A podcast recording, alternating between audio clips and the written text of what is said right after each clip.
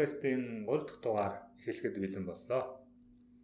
Тэр өмнөх 2 дугаараа маань хандалт 100 даунлоод хийж бас подкаст маань хүнд тодорхой хэмжээгээр сэтгэл зүй оюун санаа болоод амьдралын туршлага баяг түгээх хуваалцах тал дээр хэрэг болохоор юм байна гэж үзлээ. Тэгээ 3 дахь дугаараа би Pythagoras-ийн тоон зурхай numberology үн дотроо хүний амьдралын 9 жилийн өөрчлөлт давтамж амьдралын амжилт ялалт ялагдал амьдралын тэр мөчлөгүүдийг хэрхэн тооцоолох вэ гэдэг энэ сэдвэр хийхээр бэлдсэн. За энэ сэдв эхлэхээс өмнө би танд бяцхан танилцуулга хийчихье. Энэ нь болохоор 2003 сарын 7-нд би онлайн сургалт хэрхэн явуулах вэ гэсэн зайн сургалтыг 7-оос 11-ний хооронд явах 5 өдрийн зайн сургалтыг зарсан байгаа. Энэ маань та өөрийн вебсайтыг хэрхэн хийх үү? Аа тэгээд түүн дээрээ өөрийн үнцэнтэй одоо контент чинь та йогийн сургалт явуулдаг бол гадаад хэл заадаг бол энэ дижитал хэлбэр чилжүүлж болох контентыг видео бичлэг байдлаар онлайн сургалт болгож бэлтэж оруулаад түүнийг сошиал орчинд маркетинг хийж вебсайтаараа дамжуулж одоо нэмэлт орлого хэрхэн олох вэ гэдэг ийм практик сургалт зарласан байгаа. Энэ нь 2 жилийн өмнө би Typing Solution болон бяцлаглалын онлайн сургалтыг энэ сэхэрэл онлайн сургалтын сайт дээр сайтаа хийгээд энэ сургалтыг тавиад тодорхой үр дүнд хүрсэн учраас энийг бас та аплай дэж хэрэглээд өөрийнхөө одоо хувь бас тодорхой үр дүнд хүрээсэй гэж бодож байна. Ер нь бол хүн хэрэгтэй бөгөөд тустай зүйлийг өөрт тустай бусдад хэрэгтэй зүйлийг бол түгээн дэлгэрүүлэх нь энэ хүний ёсны бас нэгэн хэрэг гэж би боддгоо. За өнөөдөр тэр онлайн сургалтын сургалт хэрхэн явуулах вэ гэдэг онлайн хичээлийн энд онлайнаар явагдах хичээл хичээлийн хямдралтай одоо эртэж бүртгэлийн хямдралтай бүртгэлтэй байгаа биш үү та хэрэг хүсвэл энэ сургалтыг бас сонирхоорой. Ивент зарлагдсан байгаа. За ингээд өнөөдрийн сэдвүүг оръё. Таан зурхайг би нэлээд олон жилийн өмнөөс сонирхож судалж эхэлсэн. Энэ дотроо Pythagoras-ийн тоон зурхайг бол сонгож авсан байдаг. Учир нь бол Pythagoras өөрөө математикийн эрдэм математикийн математикч эрдэмтэн боловч бас мөн гүн ухаантан мөн гигантэн одоо дорны ойлголтоор бол гигант хүн байсан. А их сонирхол татсан. Тэгээ бидний нөгөө дунд сургуультай Pythagoras-ын теорем теорем гэж үздэг шүү дээ. А тэр гигантэн. Ингээд 2010 э, оноос бясалгал э, сэтгэл зүйн сургалтууд хүний хөгжлийн чиглэлийн сургалтуудаа явуулж эхлэхэд бол э, маш олон хүмүүстэй уулзаж ярилцаж мөн хүмүүсийн энэ биоэнерги авра онцлогоо гэж нэрлэдэг тийм. Биоэнергийн онцлогоо сэтгэл зүйн зөвлөгөө өгөхөд өгж явах явцад бол би энэ хүмүүсийн энэ төрсөн он сар өдөр тэгээ тэрний тэр тэр сар өдрөөр нь тоон зурхаад зурхаан надад зурлаг хийгээд тэгээд тэр хүний тэр хүний амьдрал ажил үйлс бүх юмтай хэрхэн давхцаж байна энэ одоо бидний тооцоолох жоо 9 жилийн давтамж бол хэр таард юм бэ гэж бол анализ хийж явсан. Тэгээ хан сонирхолтой нь бол энэ маш өндөр хуваар таардаг таарж байсан учраас энэ эргээд энэ Питагорасын тоон зурхааг илүү гүн судлах сонирхол маань тэгж цаашаа илүү хөтөлсөн.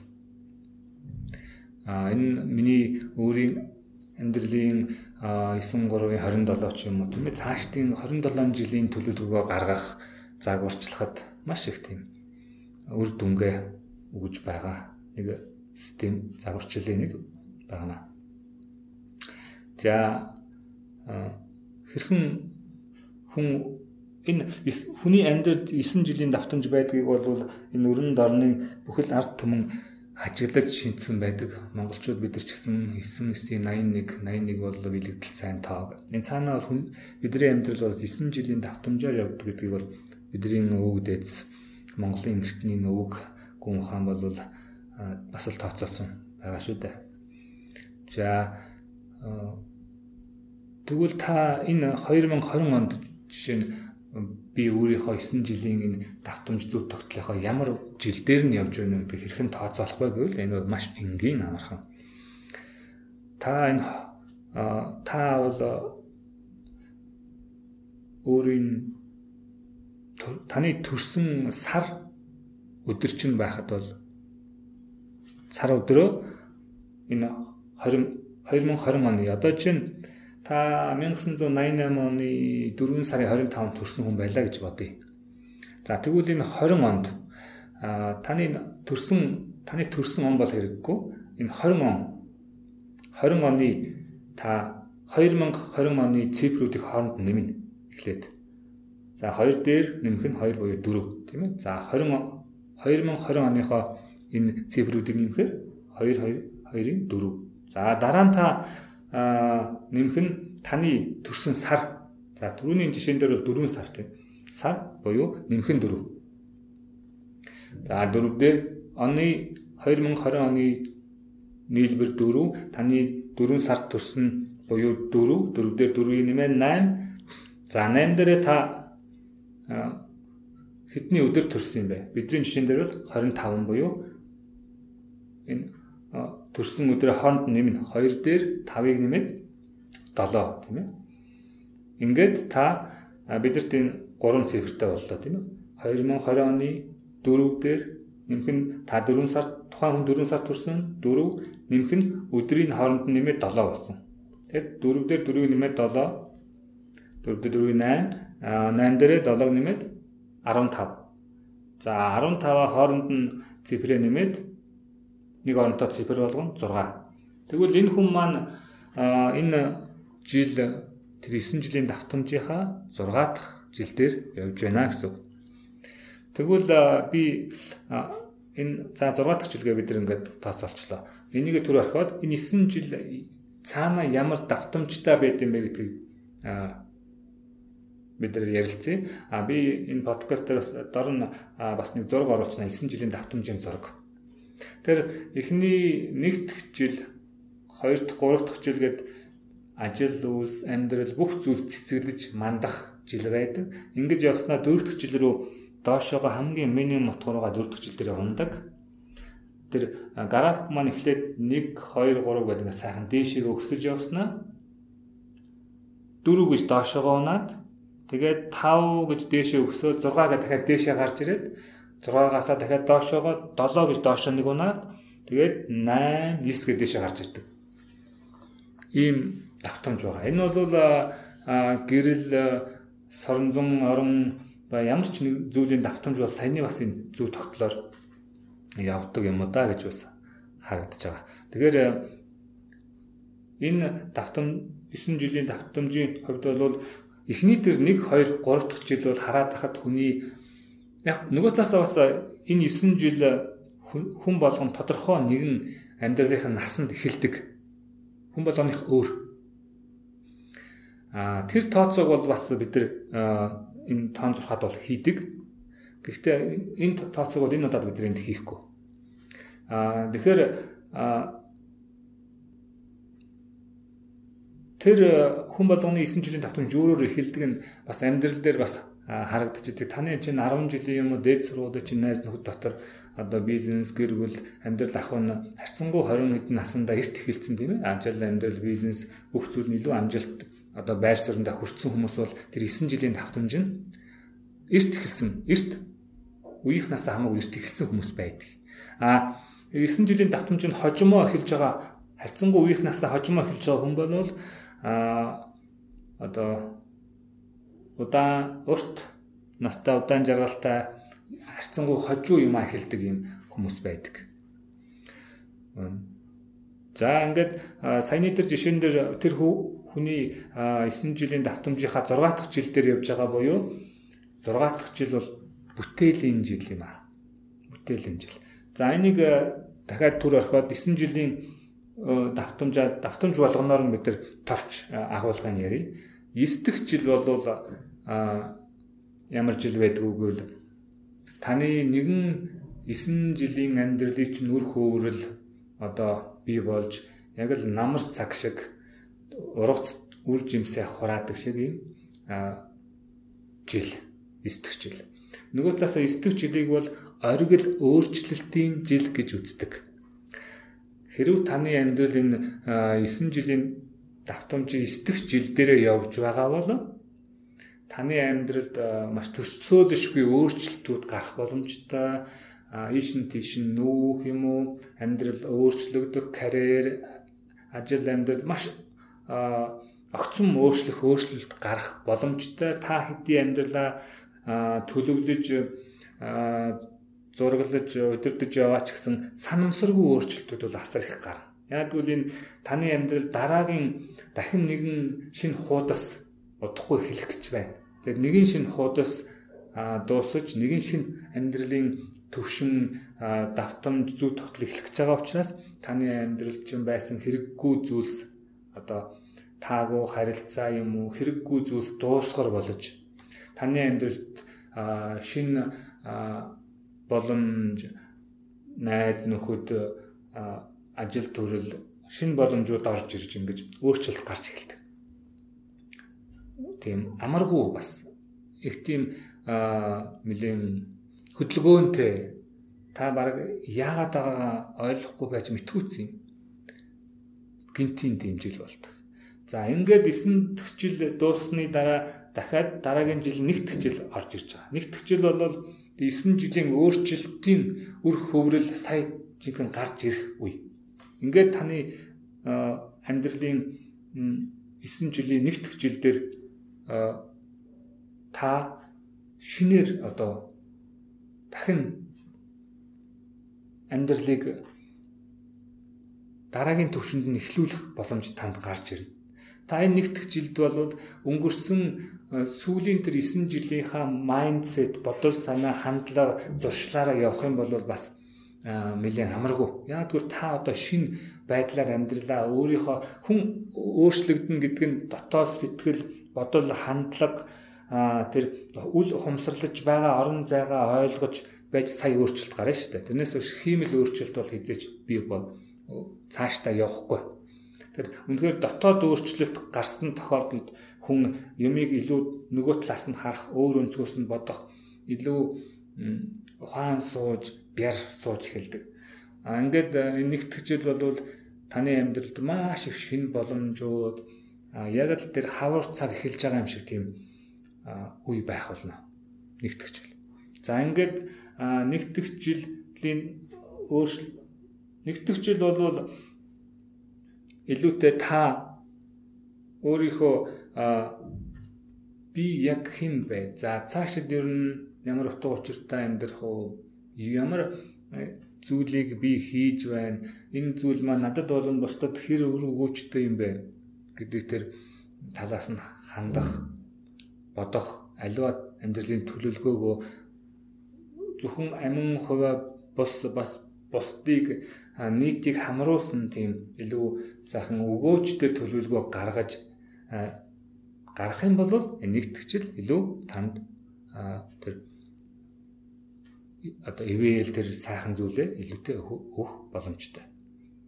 За ингээ хоёр дахь жил бол та нэг энэ цаана ямар утгатай байдгүй хоёр дахь жил та нэг дахь жил дээр эргээд очие. Нэг нэгийн тоовол ямар түлхүүр утгатай тоо байвал нэг бол та өөрийгөө хумсарлах, мэдрэх би оршин байна.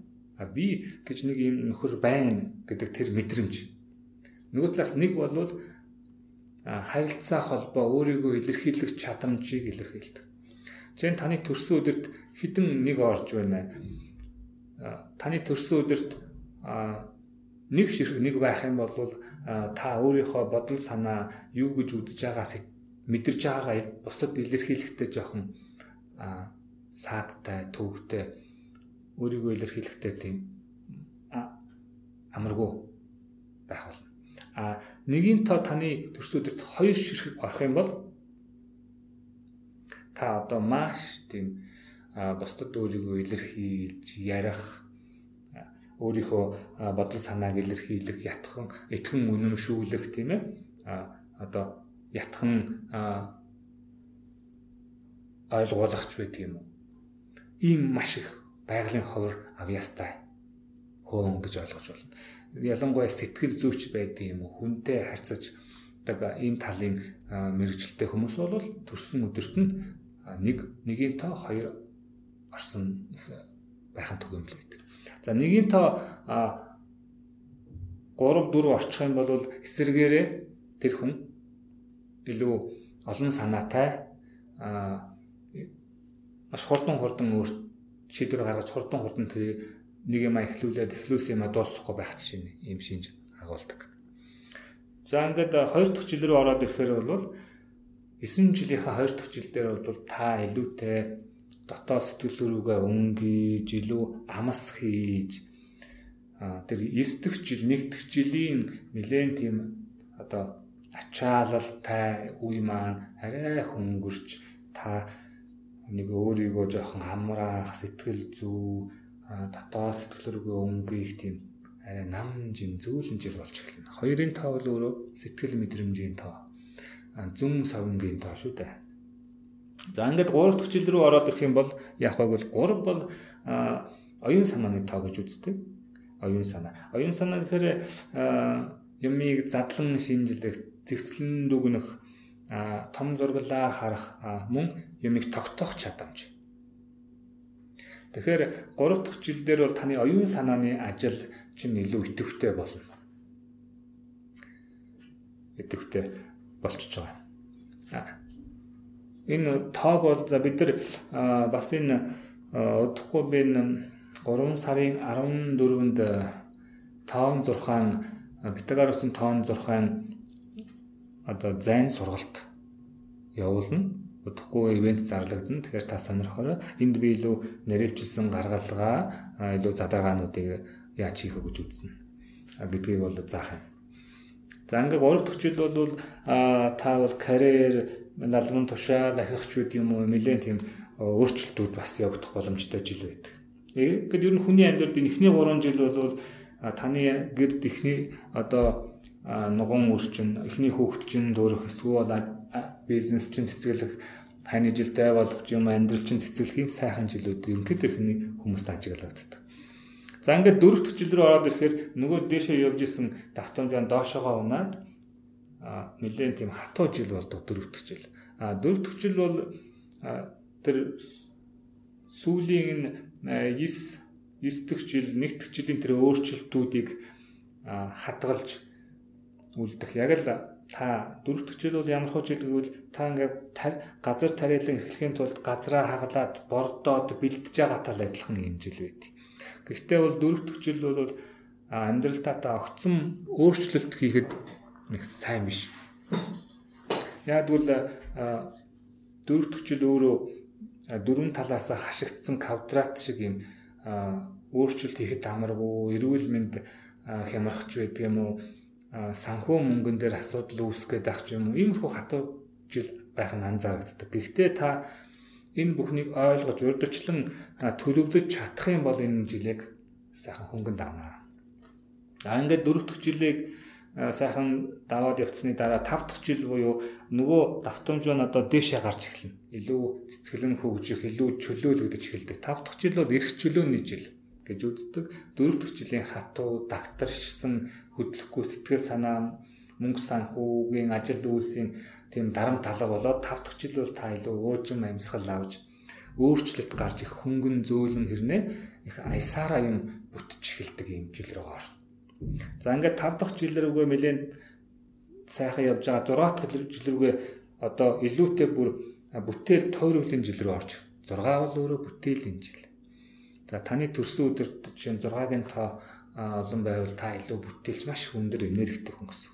А тэгтээ тэр энерги зөв чиглүүлж чадахгүй л эргээл өөрийгөө бухимдуулах орчин тойрноо а хямрах хэдий ч нэ хүн авьяас бэлэг эрч хүч өндөртэй байна тэрийг бүтээл тойрвол бүтээл тойрол гэхээр нэг шин зүйлийг сэтгэх хийх тухай юм. Тэрнээс ч учиргүй яа гэм Эйнштейн шиг одоо хантай эсвэл Моцарт шиг мундаг хөгжим зохиохыг бол хэлэхгүй зүгээр та урд нь хийж байгаагүй шин зүйлийг л үтэх. Тэр нь танд болоод бусдад үр дүнтэй л байх тухайд. Тэгэхээр энэ 6 дахь жил дээр таны ажил үйлс бол та шин зүйлийг эхлэж шин бизнес эхлэх юм уу? Шин зүйлийг хөтлөх юм бол 6 дахь жил илүү амжилт олно.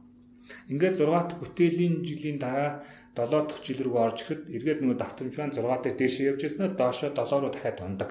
Энэ 4 дахь 7 дахь жил дээр бол дандаа хатуу буюу хямаргуу жилүүд болдог. 7 дахь жил бол та илүү сэтгэл зүйн хувьда хэмзэг, амархан нэрвдэх, өөрийнхөө амьдралын утга учираа бодох илүү та их тийм нийтж бус хүмүүстэй олон хүнтэй харьцдаг их тийм нээлттэй хүн байсан бол 7 дахь жил рүү бол илүү та ганцаараа байх гайл амьдралыг хэрэгцүүлээл ер нь нэг тийм даяан шинж рүү орж эхэлдэг. А 7 дахь жил бол өөрөө багшийн жил гэж үздэг. 7-гийн тог нэг талаас нь насар их тийм тэнгэр газрын буюу их бэлэгдэлтэй тоо гэж үздэг. Нэг талаас нь кармын тоо гэж бас үздэг. 7 дахь жил дээр бас мэдээ амаргүй таны амьдралд шийдэггүй байсан асуудлууд дахин босч ирэх ч байд юм уу. Нэлээд тийм нийтийн одоо ажил үйлс жоохон зогсон болох тал руугаа хувийн хүний хувьд бол сэтгэл эрүүл мэнд жоохон хямрах тал руугаа болох гэдэг талтай болоодох. Гэхдээ энийг зөв туулж зөв зохион байгуулж чадах юм бол энэ бол өөрөө асар их тийм эерэг хувь тавилан танд өгдөг жилээ. Ингээд 7 дахь жилийн тэр нам давтамжийг даваад явцсны дараа бол та 8 дахь жил буюу жинхэнэ сэргэн мандал тийм жил рүү орно. 8 дахь жил бол өөрөө тусгаар тогтнол ба бэлэг ухааны жил гэж үздэг тусгаар тогтнол гэдэг нь та амьдрал утга учраа болоод ноён нуруутай сайхан зогссон бүх юмаа өөр бодож төлөвлөөд хийгээд тэгээд тэн дээрээ тэр 7 дахь жилийн бартаа саадыг давсны дараах тэр бэлэг ухаан төрөх жил юм аа 8 дахь жил бол. 8 дахь жил дээр бол танд илүү гадны хөрөнгө оруулалт байт юм хамтран ажиллах саналууд нийгэмд дөө хоолгоо үзүүлэх гаргаж ирэх зэрэг юм амжилттай хамтын ажлын хамт хамтарч юмыг бүтээх юм амжилттай жил бол 8 дахь жил тийм энергиг бий болоод та янда тэрийг мэдэр мэдэрч эхэлнэ. За ингээд бол 9 жилийн давтамжийг тооцох нь ямар хэрэгтэй байдаг вэ гэвэл таны та яг таны амьдралын чинь давтамж зүй тогтлыг хаана явна вэ гэдгээ олох их чухал байдаг. А жишээ нь энэ 2010 онд энэ Ошо бэлгүү Монгол бясалгал соён гэрлийн чиглэлийн сэтгэл зүй болон урсгалын сургалтууд явуулж гисэн энэ жил бол өөрөө миний тэр 9 жилийн давтамжийн ихний нэгдэх жил эхэлсэн тэр үе байсан.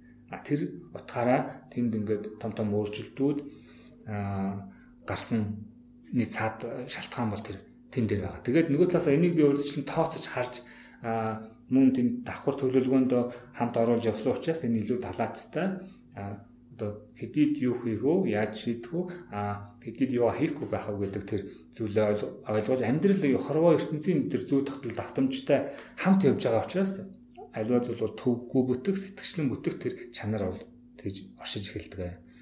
За ингээд а 9 жилийн давтамжийг та яаж олж өгнө гэвэл тухайн он одоо энэ 2020 оны оныхоо цифруудыг хооронд нэмээд 2 дээр 2-ыг нэмээд 4 тийм ээ. Тэгээд энэ дээр та өөрийнхөө сарыг сарын сарынхаа тог хооронд нэмээд нэг оронтой тоо болгоод нэг дахиад нэг оронтой тоо болгоод нэмж ингээд өдрийнхөө тог бас хооронд нь нэмээд нэг оронтой тоо болгочих. Ингээд хооронд нь нэмэхээр тэр тоо маань гарч ирж байна. Жишээ нь а 4 сарын 25-нд төрсэн хүн байлаа гэж бодоход энэ 2020 онд 9 жилийн ямар давтамж дээр явж байна гэдгийг яаж олох вэ гэвэл 20 2020 оны таг хооронд нэмлээ 2 дээр 2-ыг нэмээд 4 энэ хүн 4 сар төрсөн 0 дээр 4-ыг нэмээд 4 за ингээд тэр төрсөн өдөр нь болохоор 20 25 25-ыг хооронд нэмэх 2 дээр нэмэх нь 5 буюу 7. За ингээд оны 4, сарын 4, өдрийн нэмсэн тоо 7. 4 дээр 4-ийг нэмээд 8, 8 дээр 7-г нэмээд 15. 15 буюу 2 оронтой тоо гаргаад ирэх юм бол та хооронд нь дахиж нэмээд 1 оронтой тоо болгоно. 1 дээр нэмэх нь 5 буюу 6. Ингээд энэ хүний энэ 2020 онд энэ хүн бол 9 жилийн өөрчлөлтийн зөв тогтлохоо 6 дахь буюу бүтээлийн жил дээр яваа. Бага оргил буюу намжилт бүтээлийн жил дээр яваа хүн байна гэж ойлгоо. За ингээд цагаа гаргаж сонсон танд баярлалаа. Та бас найз нөхдөдөө энэ 9 жилийн давтамжийг яаж гаргах вэ, тооцох вэ гэдэг энийг бас энэ подкастыг бас хүсвэл шаарилж хүргээрэй. За 3 сарын 14-нд энэ тоон 6 та төрсөн өдрийнхөө дата хэрхэн уншиж ажил төрөл өөрийнхөө тэр даваас талаа тооцоолох уу мөн өөрийнхөө хайртай дотны хүмүүс өөр хүүхдүүдийнхаа мөн хувь тавилан даваас тал ер нь бол тоон цохоо гэдэг бол яг тийм хатуу тогтцсон за ингэх ийм зүйл болох юм байна гэсэн биш харин та за болж байгаа үйл явцад яагаад болж байгаа нүний цаана ямар зүйл тогтол бай намайг дараа жил юм уу 2 3 жилийн дараа 20 10 20 жилийн дараа юу хүлээж ийн гэдгийг тооцоолох боломжтой. Түүнд тааруулж өөрийнхөө амьдрал ажил үйлсээ зохиох боломжтой юм давуу тал болгодог. Мэдлэг бол хүч гэж үздэг нь бол цаана юм учиртай. 3 сарын 14-нд вебинараар онлайн онлайн зайн сургалт буюу онлайнаар энэ тоон зурхайн дэлгэрэнгүй одоо сургалтыг явуулнаа. Ингээд энэний ивент бол удахгүй бас зарлагдчих болно сэхэрл пэйж дээр. За ингээд өдрийг сайхан өнгөрүүлээрэ. Дараа уулзлаа. Түр баярлалаа.